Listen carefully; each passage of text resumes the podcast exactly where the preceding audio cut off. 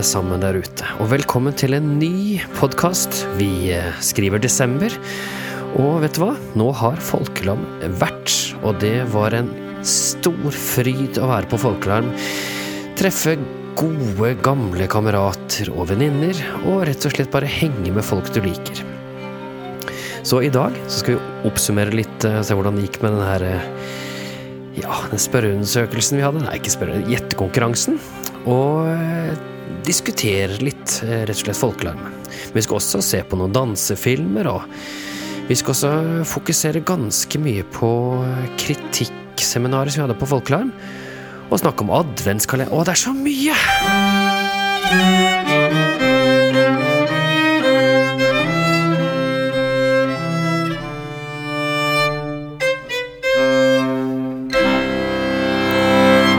Det er så mye, Mette, at jeg, jeg, jeg klarer nesten ikke å eh, sitte stille her på stolen min. Men aller først. Du heter Mette Vårdal. Ja, jeg heter Vegard Vårdal. Og vi to vi driver Kultivatorpodden. Eh, og det gjør vi med glede. Ja, det har vært eh, snart Nei, jeg tror det er to år. Vi, vi starta eh, for ganske nøyaktig to år siden med en eh, podkastepisode som het En liten podkast om jul. Eh, siden har det vært eh, lite jul og mye folkemusikk og annen snacks. Ja, og så fikk vi en slags dreis på det etter hvert. Så, eh, så nå prøver vi å holde på med dette her greiene her, eh, ja, så lenge vi bare orker.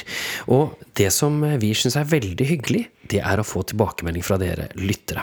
Og da kan dere sende en e-post til kultivatorpodden, alfakrøllkultivator.no, eller finne oss på Facebook, Kultivatorpodden fins der, eller sjekke ut Mette Vårdal på hennes, alle hennes sosiale medier, og det er mangt. Nei, det er ikke så veldig mye, men det er sånn passe, passe, passe mye. Og så er det meg, da, Vegard Vårdal. Vegard uten det.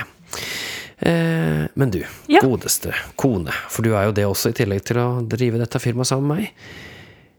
Jeg har aller først nå faktisk lyst til å eh, diskutere adventstida, jeg.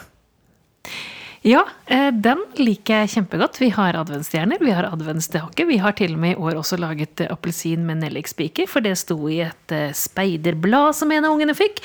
Så jeg er klar. Er det noe mer du vil diskutere om advent? Ja, altså fordi nå er det slik at Folkår har rett og slett en serie som de skal sende hver søndag, på rundt en time hver gang, tror jeg, med adventfolk, kaller det. Fra Folkorg, altså. Og det gjør de fra Vinstra videregående skole. Og så har de fått med seg det er styret, da, som er litt sånn eh, konferansierer eller programleder, eller hva man skal kalle det. Og så gjør de, forteller de masse. Har du sett første episode? Ja, eh, veldig hyggelig. Og noe av det jeg syns er best med det altså Både prisene Årets eh, ildsjel og Årets lokallag skal også deles ut der før jul. Og så har eh, Kjellbjørn Karstu han har adventsnøtter. Åh, jeg er ikke så lette, de alle de, altså. Jeg må si at jeg har klart i hvert fall halvparten. Ja. Ja, du får ingen, eh, ingen hint i denne podkasten. Eh, men, men det som er, da, er at det er veldig eh, fokus på lokallagene og medlemmene og den jevne folkemusikk Altså ikke den profesjonelle folkemusikkutøveren, men alle de rundt omkring i hele landet som holder den lokale tradisjonen i hevd. Og det er eh, Og det setter vi jo stor pris på. Det er kjempebra at de setter fokus på det, og mange videoer som blir vist, og det er mange lokallag som blir vist. og Og, ja, og nydelig musikk. Masse god dans, ikke minst. Og eh, eh, også fokus på alt det fantastiske rekrutteringsarbeidet som foregår rundt omkring. Ja, Med da selvsagt base på Vinstra, da, for det er der de er nå. da. Så det er helt fantastisk at folkemusikklinjen får en sånn boost gjennom den her adventfolk, syns jeg. Ja, Og så har de fått tilsendt filmer fra rundt omkring Ja. i landet. Så det, og de har en dansestafett også med, med filmer som kommer. Og, ja. Ja, Det blir masse utover, så da anbefaler jeg bare å benke dere foran et internett, som eh, Camilla Granlin sa. Hver søndag framover nå. Ja, så første er ute allerede. Ja. Men Det er altså adventskalender med julemusikk. Hvem er det som har laget den, da? Nei, det, det er så mange adventskalendere ute og går, så den er vår. Ja, så vi driver og vi må drive en liten sånn eh, shout-out på den da, til vår egen uh, kalender.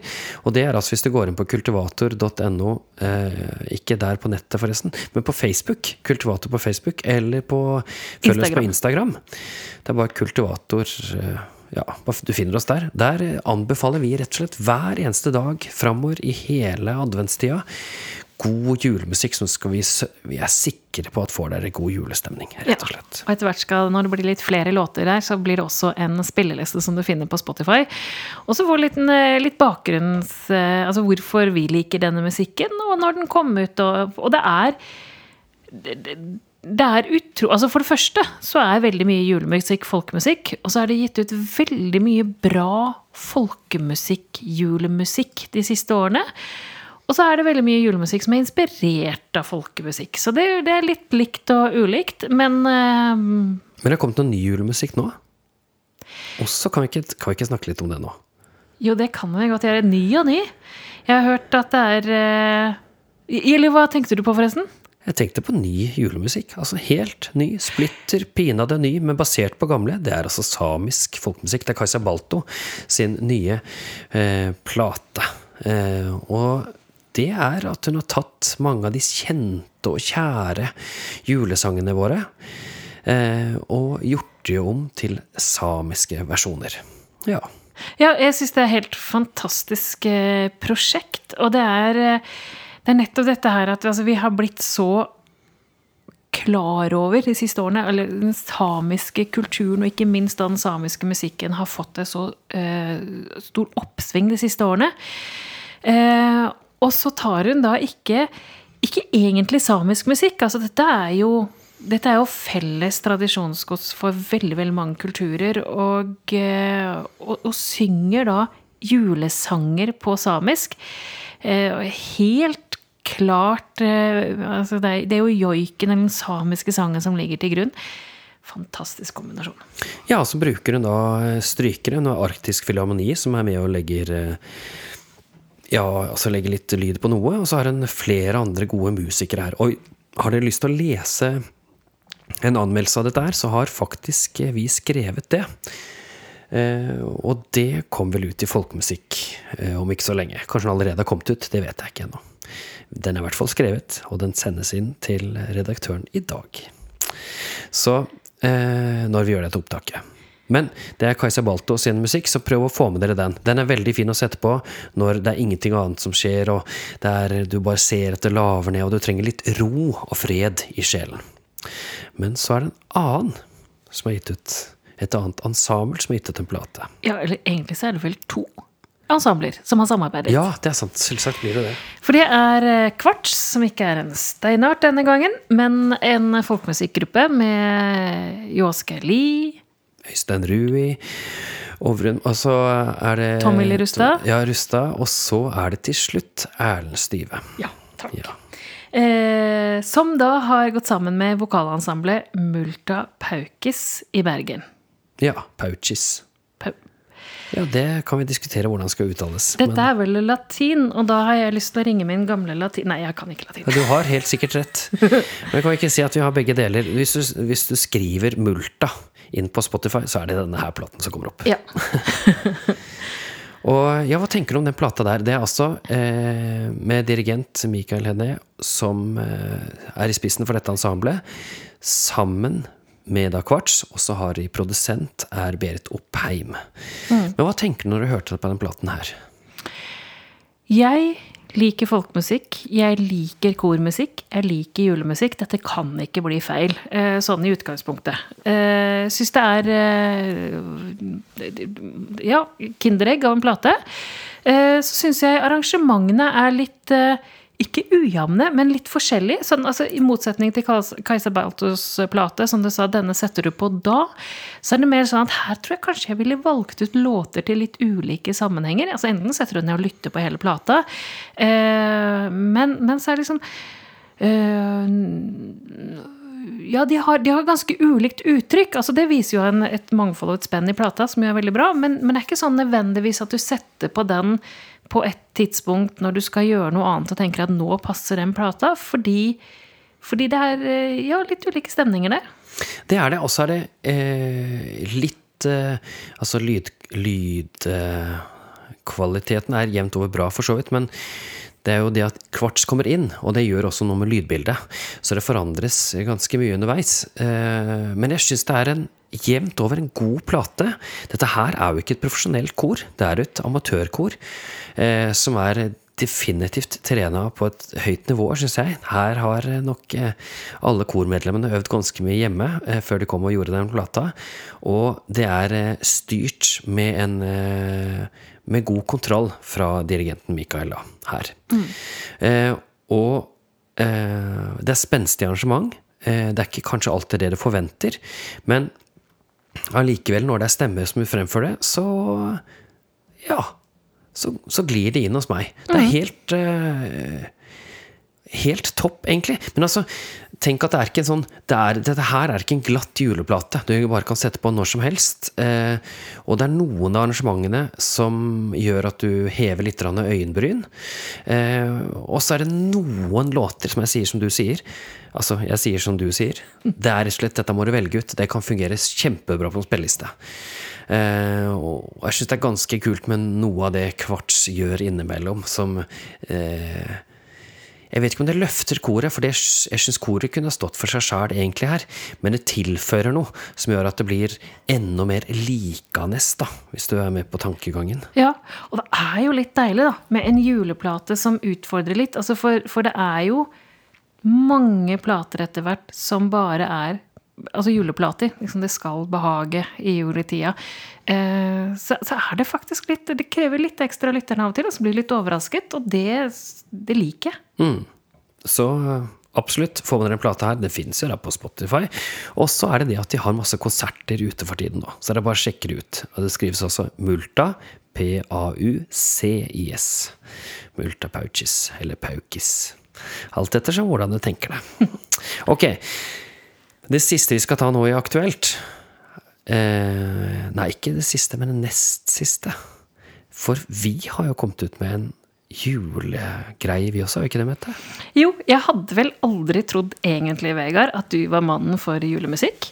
Eh, o helga Er ikke det så det er mulig jeg lurte deg her. For vi har jo jobbet med en eh, husmann fra 1700-tallet her fra fra Vågå, den gang Vågå var en litt større kommune. Fra Heidalen. Eh, og eh, han hadde noen tekster som egnet seg bra til en julesang. Og så fant du originalmelodien som er skrevet av Martin Luther. Ja, som jeg har klart å kalle Martin Luther King, er utrolig bra. Så hvordan jeg bare finner på ting. Men det er ja. som Martin Luther, ja, ikke noe king. Det, det, ingen konge, men den gamle eh, religionsreformatoren. Men, eh, så det er, jo, det er, jo, på en måte svært gammelt eh, utgangspunkt, men som du da har eh, laget et nytt arrangement og satt sammen. Og så har du med deg Mari Midtli på sang, Oddrun Lilja Jonsdottir på gitar, og så er du og Bjørn Kåre Odde strykeorkester. Mm. Eh, og den heter Med glade rop. Og er eh, Altså, det er jo ikke det er ikke ofte eh, du får en julesang der du hører om eh, Satans vold og syndens nød. Altså, det er ganske sterk tekst, egentlig. Men med et tydelig budskap om håp. Ja, og så har du laget en veldig vakker film til, da, syns jeg. Så denne her finner dere på ja, Vimeo eller YouTube hvis du søker på Med glade rop. Så er det siste nå eh, som skal jeg avslutte eh, aktuelt med, og det er en ny dansefilm fra NU. Har du fått sett på den? Ja. Det er kommet en Altså, NU har 125-årsjubileum. Eh, og har markert det på ulikt vis, og blant annet da med å lage, har fått laget til seg en tekst og melodi og en dansekoreografi, som de da presenterte i en dansefilm, og den heter Eg ser på deg. Mm. Og eh, det er Sigurd Johan Eide som er koreograf på den her. Og eh, hva tenkte du når du så dansefilmen? Først og fremst så tenkte jeg at dette er en profesjonell produksjon. Det er en god koreografi. Det er, eh, det er, en, det er en film som er fin å se på. Interessant å se på. Samtidig så liker jeg den måten de har Altså det er stort rom for eh, improvisasjon her, som, eh, som, gjør at du kan bruke den eh, For det er jo det som er altså Inspirasjonen her er jo type Bli med-dansen til NRK. At du kan bruke denne, og så har improvisasjonselementene tar så stor plass. Sånn at det faktisk Ofte så syns jeg denne typen dansefilmer blir litt sånn at du du får en koreografi, og så får du to sekunder til å improvisere. Men her får du en hjelp altså en nøkkel for å improvisere. Mm. Det liker jeg godt. Ja, og dette her eh, ville da Dette syns jeg passer godt inn i det den diskusjonen som var for en stund siden, hvor jeg tror det var, det var noen som var på Lindmo og snakket om Jeg tror det var Odd Nordstoga faktisk som snakket med å danse. Mm. At det gjør man ikke lenger. Fordi man vet ikke helt hvordan man skal gjøre det. Det er, det er, vanskelig. Og hvis man ser på den videoen her, så har man masse bevegelser som er veldig enkelt og er veldig enkle å bare ta med inn i hva som helst, hva som helst slags form for dans. Diskodans, eller uten at du føler at du ser helt idiot ut. Ja. Men altså, her er det Jore Marie Kvernberg som har laget melodien, sammen med Knut Sævik og Runar Gudnason. Og her er det også elektronikk og hele pakka som er inne. Ja. Uh, ja. Ja, eh, ja eh, helt Og, Og, jeg, ser, jeg, ser, på deg er jo en, en veldig kjent sang som er brukt mye igjen. Og jeg ser på deg, og du ser på meg. Ja. Og hei og hildrande du, eller et eller annet sånt. Nå, ikke? Nesten. Eh, men de har også fått en til å skrive en ny tekst til denne her. Hva het uh, den personen da? Runar Gudnason. Gunnarsson. Gudnason. Gudnason. Uh, og han er da rapper, og, og, teksten er vel så mye rapp som det er sang. Og uh, Jure Maries melodi, da, og så litt elektronikk til. Uh, og, og, som sagt, det er blitt en veldig, veldig fin film. Litt ulike folk som danser, altså ulik alder, ulik kompetanse. Sånn at det er ikke en det er ikke et kompani som danser dette her. og, og handler jo da om det å være Altså danse i lag på tvers av generasjoner, på tvers av uh, alle andre skiller og ulikheter. Og, og bruke dansen som, en, uh, som et sosialt lim. Ja, og den her skiller seg fra danseglede som Folkork har gjort. For Folkork har eh, mer satset på at eh, veldig mange skal bli med på denne dansen. Og eh, de har sendt ut eh, dansen med koreografi rundt omkring over hele eh, verden, faktisk. Og fått veldig mange rundt omkring til å danse danseglede. Ja. Eh, ja, og da, der blir jo musikken også sluppet først. Sånn Kvarts eh, sammen med Laila Renate Buer Storli og Jon Ole Morken eh, slapp jo den melodien først på Spotify og flere andre sånne strømmetjenester. Og så eh, etterpå så slapp de koreografien, og så har de fått folk rundt omkring til å sende koreografien inn til Danseglede, og så har de laget en video ut av det. Så ja. det er to vidt forskjellige typer filmer, kan vi egentlig si. Ja, og, og, eh, og der eh, Danseglede, som er folkorgel, eller egentlig så er det vel samme, kanskje Hardingfela som, som tok mm. initiativ til det, men iallfall eh, har... Ja, det er de som har tatt initiativ, og det er de som driver det. Hardingfela, ja. ja. Eh, men, men, de har, har altså, For det første så er det litt sånn type mm, mindre profesjonalitet og høyere sjarmnivå. Eh, kan si det. Eh, nettopp fordi at det er, det er likt og ulikt som danser, og, og det, er ikke, det, er jo ikke, proffe opptak. Eh, så det er, en, det er, jo ikke en, film som er vakker å se på, men den er Det er proff musikk, men det er ikke proffe videoopptak av danserne. Nemlig. Så, men, men ja, den er ikke vakker å se på, men du blir glad av å se på den. Og så har de jo da, nettopp fordi at målet har vært å få mange til å danse, så har de jo da Altså de slapp denne og hatt koreografien først, og så fikk en opptak. Så har du på en måte bevisene da, på at filmen er brukt. Ja. Eh, mens, mens ennå da har en, gått en annen vei og laget en veldig veldig proff produksjon som så blir sendt ut. Og det er klart at NU har også dette Folkepedia, der de har tradisjon for å lage nettopp denne typen gode dansefilmer eh, som kan brukes i sosial sammenheng eller i undervisningssammenheng. Men det er definitivt rom for begge to. Jeg tenker at de kunne gjerne laget et til hver. jeg. Ja, det? Jo, altså dette er jo altså, Trenger flere slike ting. Ja, film er jo et veldig veldig sterkt medium. altså det, det, fanger oppmerksomheten fort. Så dette her, det er ikke noe, er ikke noe konkurranse her. Eh, og, og eh, tvert om. Det er uh, mer av dette. Ja, men du, da har vi holdt på ganske lenge med Aktuelt i dag. da tror jeg vi går over på tema.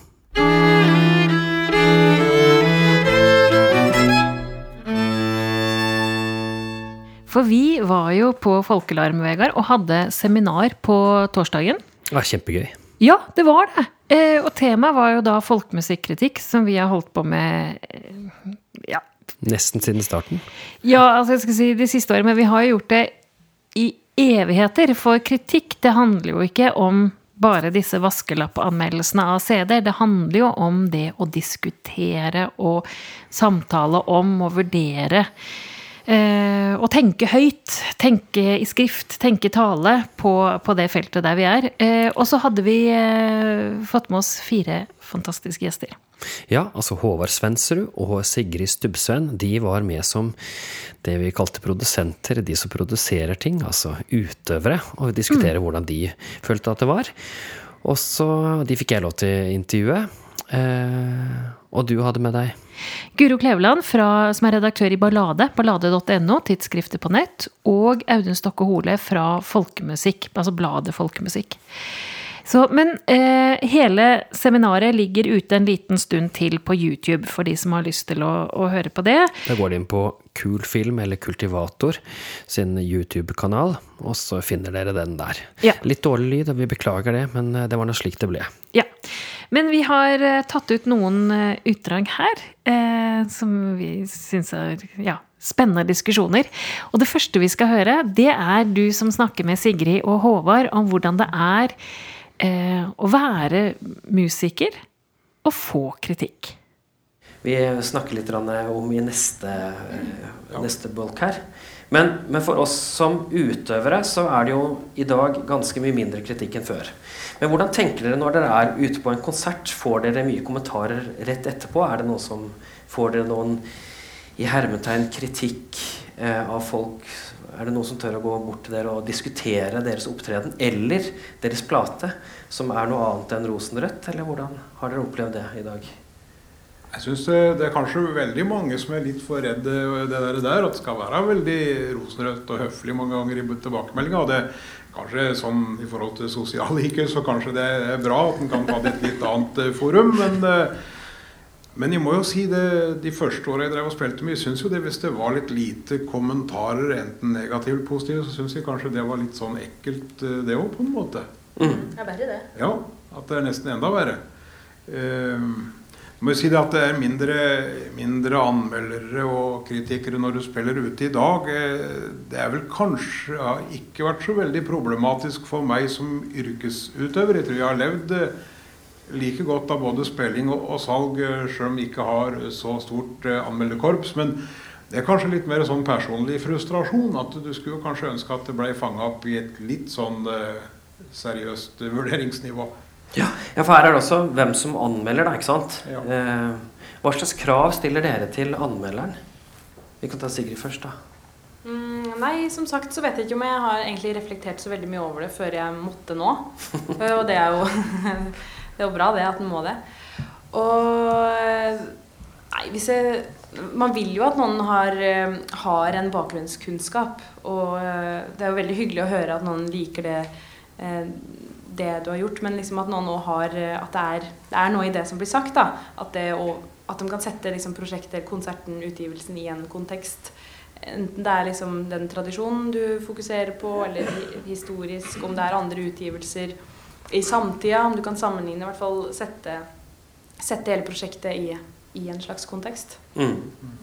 Ja. Hva, hva, tenker du? Um var det spørsmålet? ja. ja.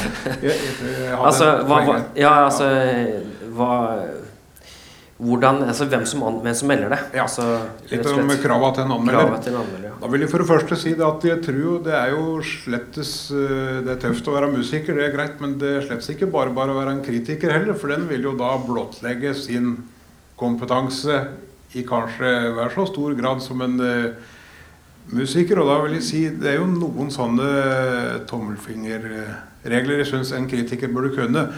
Først en jo bør sette seg litt inn i hva, hva gir dette her seg ut for å være. Det har jeg sett noen eksempler på at de kanskje tror det er noe helt annet enn det skulle være. Hva slags type plate er det, hva slags type konsert og hva slags type musiker er det. Det syns jeg er kanskje veldig viktig å ha som en sånn et grunnfundament da noen skal begynne å vurdere en ting. Og så må de også da Dette med kompetanse er selvfølgelig veldig viktig. Kanskje skal man melde plater, så bør du jo ha en viss kompetanse om åssen du faktisk lager en produksjon i dag. Det er jo sånne ting. Mm. Ja, for jeg tenker um, altså, det eneste, altså det som hjelper folkemusikk og folkedansmiljøet fremover i dag, er jo at vi tør å diskutere det.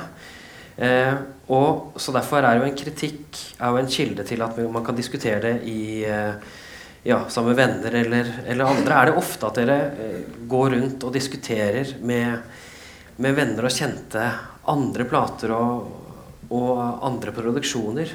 Være konsert eller forestillinger eller plater? Hva, hva tenker du om det? Sigrid først, kanskje? Uh, ja. Det er jo det man gjør i, i de fora der du er trygg på en måte. Og du vet for, å diskutere egne prosjekter så gjør man jo òg det med folk som man er trygge på, og, og spør om og ber om tilbakemeldinger. Men òg andre sine, sine, utgivelser og prosjekter. Det er jo ikke slik at ingen diskuterer det rundt omkring. Det tror jeg det skjer, og at uh, man har meninger om det. Men at det kanskje ikke, at det ikke er uh, så veldig mye i, i det offentlige, på en måte. At det skjer mer sånn mm rundt omkring mm. I små, ja. mindre kretser. Men da er det kanskje greit å ha en kritikk å henge det på, i hvert fall? Eller hva tenker du, Håvard? Ja, altså du kan jo diskutere en kritikk òg, men jeg må jo for egen del si det at jeg har vel bare egentlig noen svært få kolleger jeg snakker veldig åpent om sånne ting med. Ja. ja. Det er ikke noe jeg går rundt i løypa med, altså. Men hva skulle til for at du eh, diskuterte det mer, da? Ja, si det. Da måtte jeg vel vært kritiker, da, kanskje. Men Mente du utgivelser, eller mente du diskutere kritikker? Nei, altså, det, det, går ut på det samme, faktisk. Altså, ja. at, fordi Hvis du diskuterer en kritikk, så diskuterer du også utgivelsene ja. for, for, den kritikken. da. Nei, men eh, Er man trygg på at, at vi tåler det, da? På en måte? Ja, Det er det som er det store spørsmålet. Mm. liksom, er, det, er, det et, er, det, en kultur for å, for å, drive med det, og er vi trygge på at, at Tåler jeg at du eh, ja, kommer med din, eh, dine synspunkter og din kritikk av mitt prosjekt. Mm.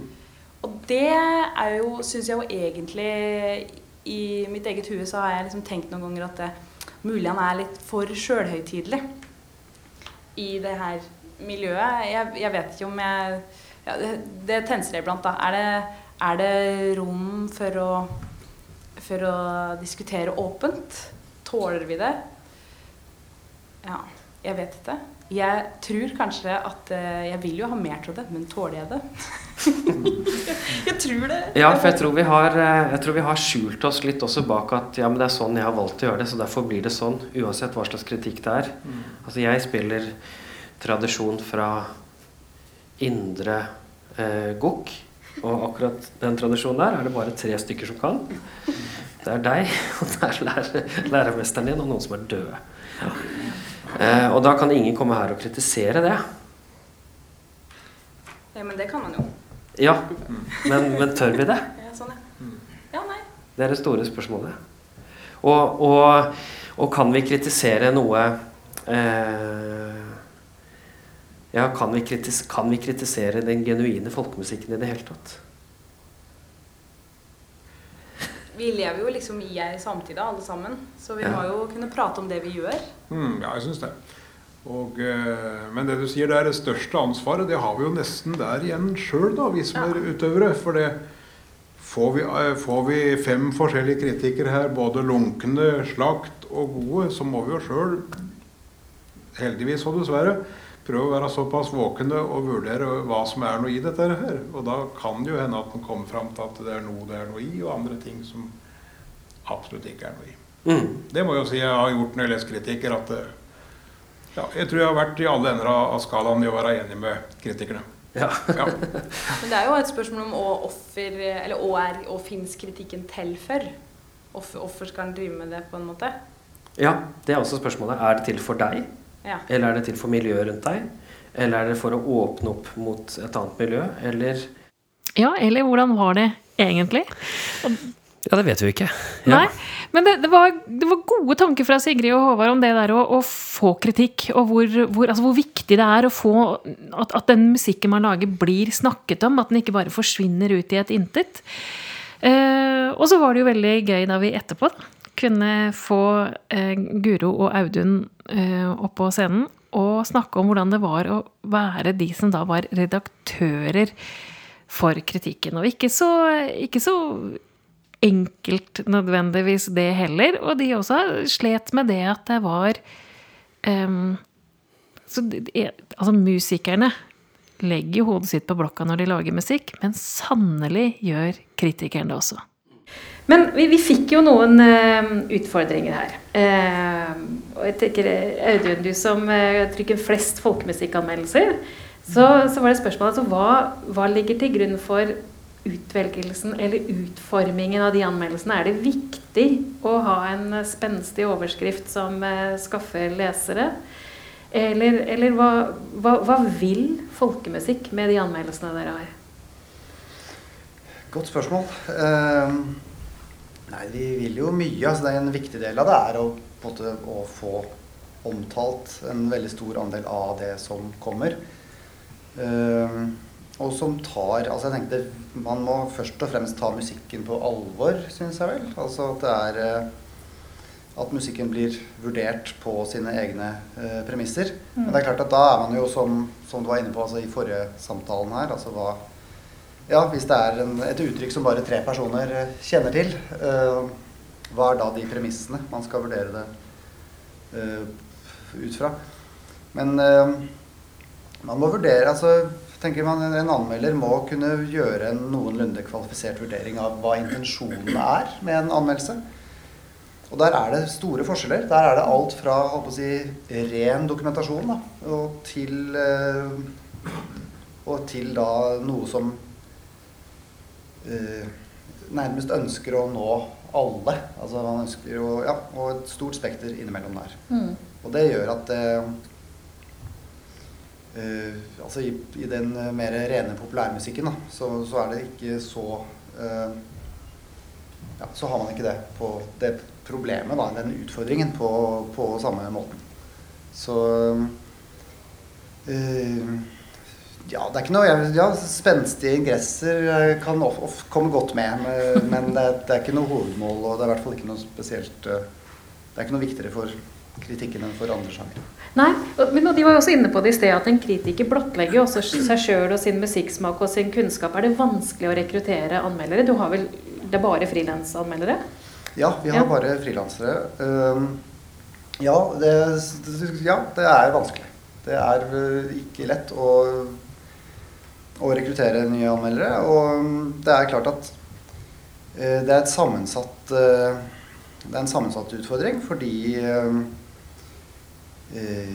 det er, ja, det er frilansere. Alle, ingen skriver anmeldelser på heltid. Ingen eh, har det som sin hovedgeskjeft. Og ja, um, ja. Ja. Men ja, nei, Og det er mange, og en annen ting, unnskyld. Ja. En, ja, og mye, altså Så er det ofte ja, Inhabilitet er jo en, et spørsmål. Altså, man kjenner hverandre veldig godt. Mm. Så bare både direkte altså, Ofte så er det den som er mest kyndige. eh, De som er mest kyndige til å vurdere en anmeldelse, vil ofte Nei, vurdere en utgivelse, vil, vil være for nær den som gir det ut. Og og, eller, ja, og det er et lite miljø hvor man altså Det, det kan være litt sårt. Altså man, ja, man vil ikke legge hodet sitt på hoggestappen på den måten. Og, eh, Nei, ja, og at Det- det potensielle, koster- koster ja, potensielle anmeldere også er redd for det spørsmålet som eh, musikerne fikk. Altså tåler vi det? ja, Ja. ja, absolutt. Men, men i ballade, altså dere som dekker hele feltet eh, i, På folkemusikk så som sier inhabilitet er kanskje den største utfordringen. Men, men eh, opplever du at du har journalister og anmeldere som syns det er krevende å skrive om sjangere og uttrykksformer de kanskje ikke vet så mye om? Og da er det jo altså En er jo eh, norske folkemusikken. Vi har også den samiske, den eh, internasjonale folkemusikken fra andre land. Det er mye man skal ha oversikt over. Mm. Eh, vi har jo mange ulike frilansere, og vi har egentlig et sånn Jeg skal ikke si stadig tilfang, for det er ikke sånn at det liksom renner inn med For det gjør det ikke. Jeg, veldig, jeg tenkte jeg ville skyte inn det at jeg er veldig glad for at det, det kom opp i den forrige samtalen at det, det er en krevende jobb, og det er en krevende posisjon, det å være kritiker. Altså man legger Man blottstiller seg og hva man tenker, og ikke minst vurderingene man har gjort seg. Og det, kritikere får jo tilbakemeldinger fra både den som har laga verkene, den som har eh, framført de, eh, spillestedet hvor det skjedde. Altså det, det engasjerer hvis, eh, hvis, man opplever at man blir feilvurdert eller eh, mistolka.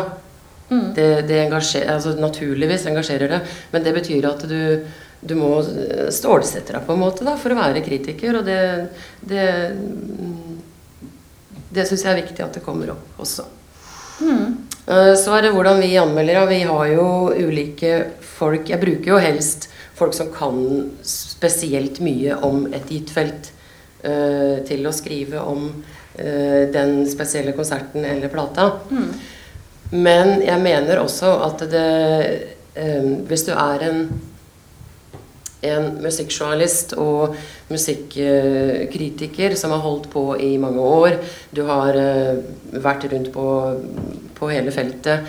Uh, kjenner uh, både folk og, og, organisasjonsliv på et bredt felt. Så er det noe med at du, du kan Du er en dyktig lytter, da. Og du kan vurdere noe. Uh, uten å ha liksom, en master eller en uh, ph.d. i musikkvitenskap. Du har et sett av et sett av kunnskap da, og verktøy som du kan bruke til å beskrive, vurdere og begrunne hvorfor du mener det og det er sånn som du mener at det er. Og det er vel kanskje det viktigste jeg gjør når jeg får en anmeldelse, om det er folkemusikk eller om det er uh, kunstmusikk uh, fra Ultimafestivalen, liksom, så, så, er det jo akkurat det jeg, jeg hele tida ser etter. Begrunner du godt nok vurderingene dine? For hvis de gjør det, så er vi Da har vi et solid uh, kritisk produkt. Ja, og det er jo her vi som kritikere må være veldig var og forsiktig med hvordan vi, vi legger frem ting, sånn at det ikke kan tolkes i mange forskjellige eh, retninger, og at vi er ganske tydelige på når vi skriver, og når vi snakker om det, så godt det går an å gjøre. At, men at vi prøver å få fram både eh, ja, ting som vi liker, og ting som vi kanskje ikke er så glad i, og ting som vi tenker 'hvorfor gjør det?' At vi våger å stille disse spørsmålene, da. Eh, så det var veldig interessant å høre på både Audun og Guro som snakket om dette her. Det var interessante debatter, syns jeg. Og spesielt når vi fikk med publikum på slutt, til slutten, som også stilte en del spørsmål og en del Jeg hadde en del krav til både utøvere og eh, kulturjournalistene, da. Altså, jeg tenker det at når musikere gir ut noe, enten det er på en scene eller eh, strømmetjeneste eller et fysisk eh, album, det er jo en gavepakke til alle oss som er interessert i musikk og liker musikk og har lyst til å høre på og snakke om det. Og, og ikke minst for, for, oss som skal diskutere det. Altså Uten det så hadde det vært lite å, å snakke om. Hender det at du er bekymret når du skal skrive ting og tenker over Tåler musikerne dette? Spør deg først, jeg, Guro. Ja. Uh, ja, jeg tenker uh, ofte på det. Um, hva skal jeg si? Det er, del, det er del av den vurderinga jeg gjør når jeg får inn en tekst fra en, fra en kritiker. da. Uh, men desto viktigere er nettopp det derre begrunn hvorfor du mener sånn sånn. Så, hos meg så får du ikke lov til å bare si at dette var det, akkurat det der var dårlig. Mm. Ok, hvorfor mener du det? Dette må du utdype, og så må du begrunne. Mm. Uh, nettopp fordi at uh, vi skal Altså det, er, det, handler om den respekten for uh, både utøveren, opphaveren og verket, og, altså produksjonen, som vi må ta inn over oss. Mm. Audun? Ja, jeg også er helt, det, det, er viktig at kritikerne kan begrunne det de mener. Om, ja, om, om de mener noe er bra eller dårlig, så, ja, så bør de, de helt klart det. Så tenker jeg det er du ser, Hvis du ser på kritikkens historie, så er det, den begynte jo som en veldig sånn akademisk øvelse. altså hvordan hvordan de klassiske verkene svarte til visse veldig tydelige normative ideer om hvordan klassisk musikk skulle låte da kritikken starta opp. Men så har man jo den populærmusikkritikken som har kommet i nyere tid, som er mer en sånn lekmannskritikk, hvor, hvor, det var, i hvert fall til å begynne med, veldig lov å bare sable noe ned og ja, trille ternekast én og si at dette var noe møl. Og så så er vel det blitt stadig mindre stuereint, har jeg inntrykk av. At man liksom er mer ja man, ja, man er kommet dit at all kritikk må begrunnes, uansett uh, om den kommer fra et veldig akademisk eller et, eller et veldig sånn musikkelsker-ståsted. Mm. Jeg skal snart åpne for spørsmål fra salen. Jeg har et siste, siste, spørsmål, for du trekker opp det historiske. Det er farlig vet du, når programlederen er historiker. Altså for, for, På 1700-tallet, da skal få love dere, da var det musikkdebatt. Da var det sensur, så man fikk ikke lov å diskutere politikk. Så man kamuflerte alle debatter som kunst- og kulturdebatter. For det var det lov til å diskutere. Eh, og det, det, var ganske voldsomt. Eh, og så var jeg på en konsert med Leif Rygg, det må nødvendigvis ha vært noen år siden, eh, hvor han leste opp gamle innlegg fra Spellemannsbladet fra 40- og 50-tallet. De var, altså, det var rett på sak, for å si det sånn. Og de kunne fortelle at eh, altså, folk var bare rett og slett udugelige og, eh, og krasse i kritikken. Men med en kunnskap, da, altså en skarp kritikk. Eh, det, si, det, er sjelden å lese i dag, med mindre det er en sånn fjasete terningkastanmeldelse. Eh, er vi blitt for redde for å diskutere? Ja. ja, vi er kanskje det. Ja. Ja. ja. Vi er det. Eh, noen sånne tekster, eh, og de kommer heldigvis også i dag, eh, på både musikkfeltet, men også andre ting. Og det er jo en svir å lese når det er superkyndige folk som, som, står bak. Så mm. kan du tillate deg å si ganske krasse ting, altså.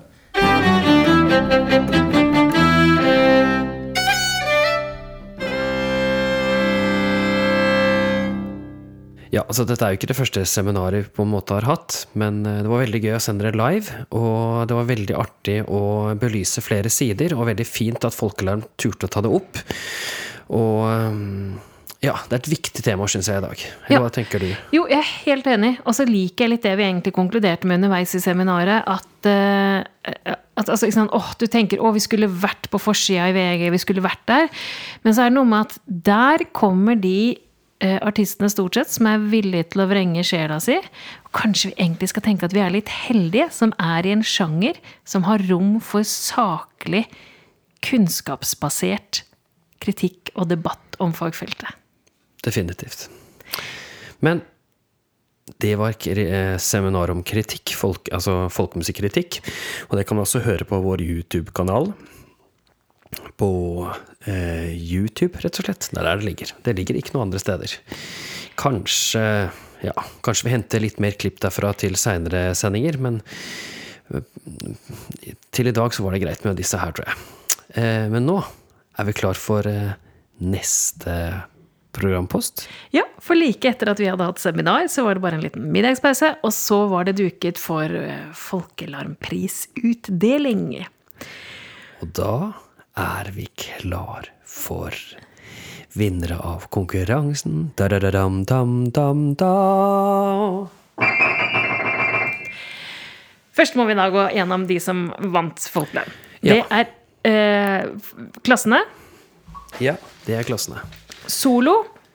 Tov G. Wetterus, Britt Pernille Frøholm og Sigrid Stubbsveen var de nominerte.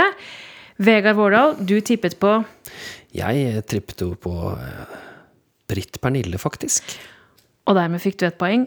Yes! Britt Pernille fikk Folkelarmprisen mm. i klassen solo. Ja. Gratulerer! Yes. Og så var det de nominerte til Folkelandprisen i kategorien dokumentasjon.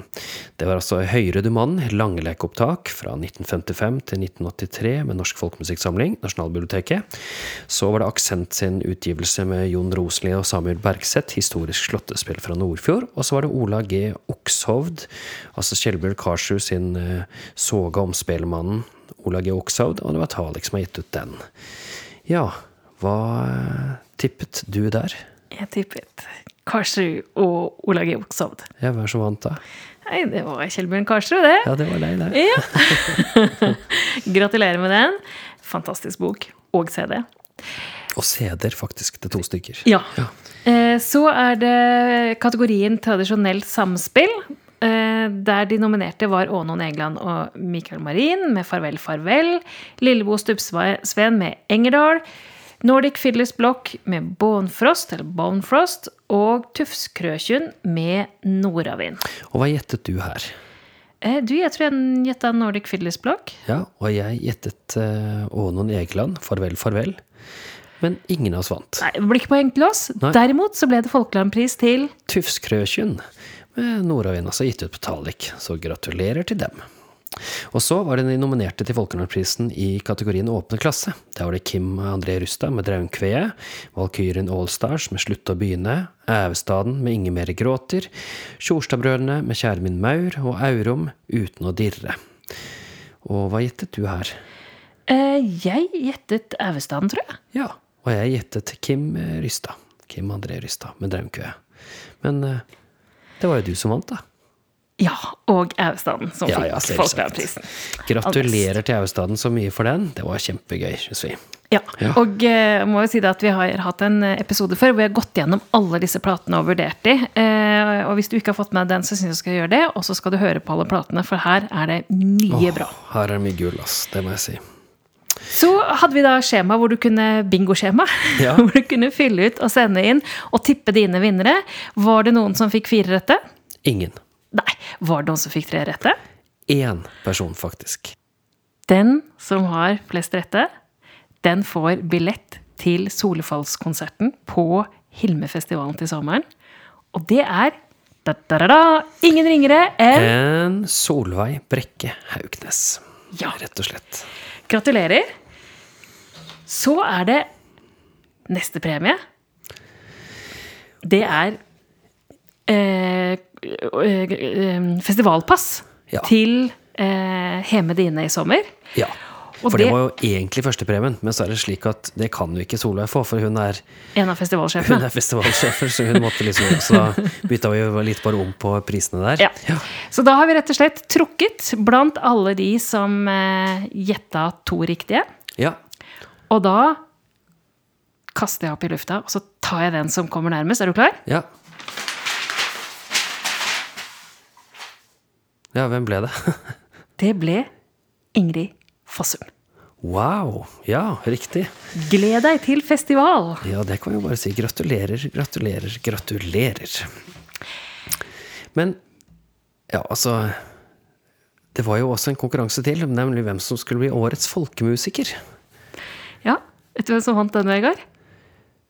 Det var jo faktisk ingen som tippa på Maria Mortensson. Ingen. Nei.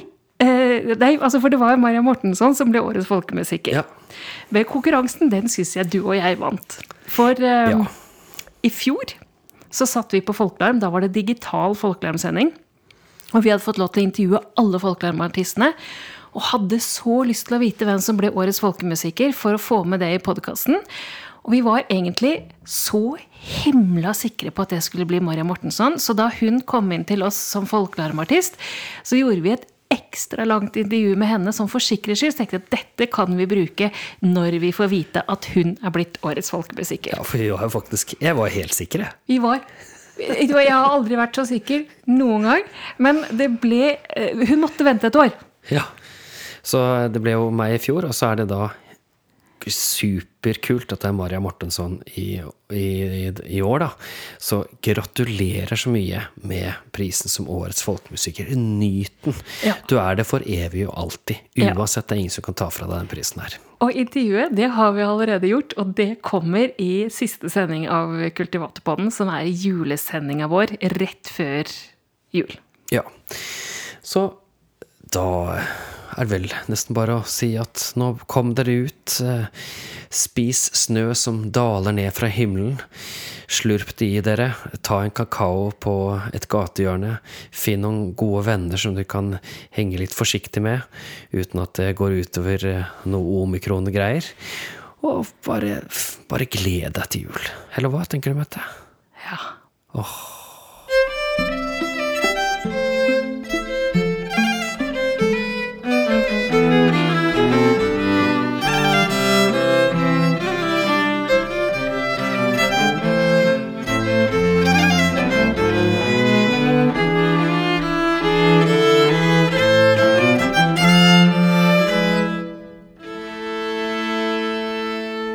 Hva tenker du på? Altså, ok. Ja, hva tenker du om dette? Akkurat det som jeg nettopp snakket om nå? Jeg hørte ikke hva du sa. Nei, fint.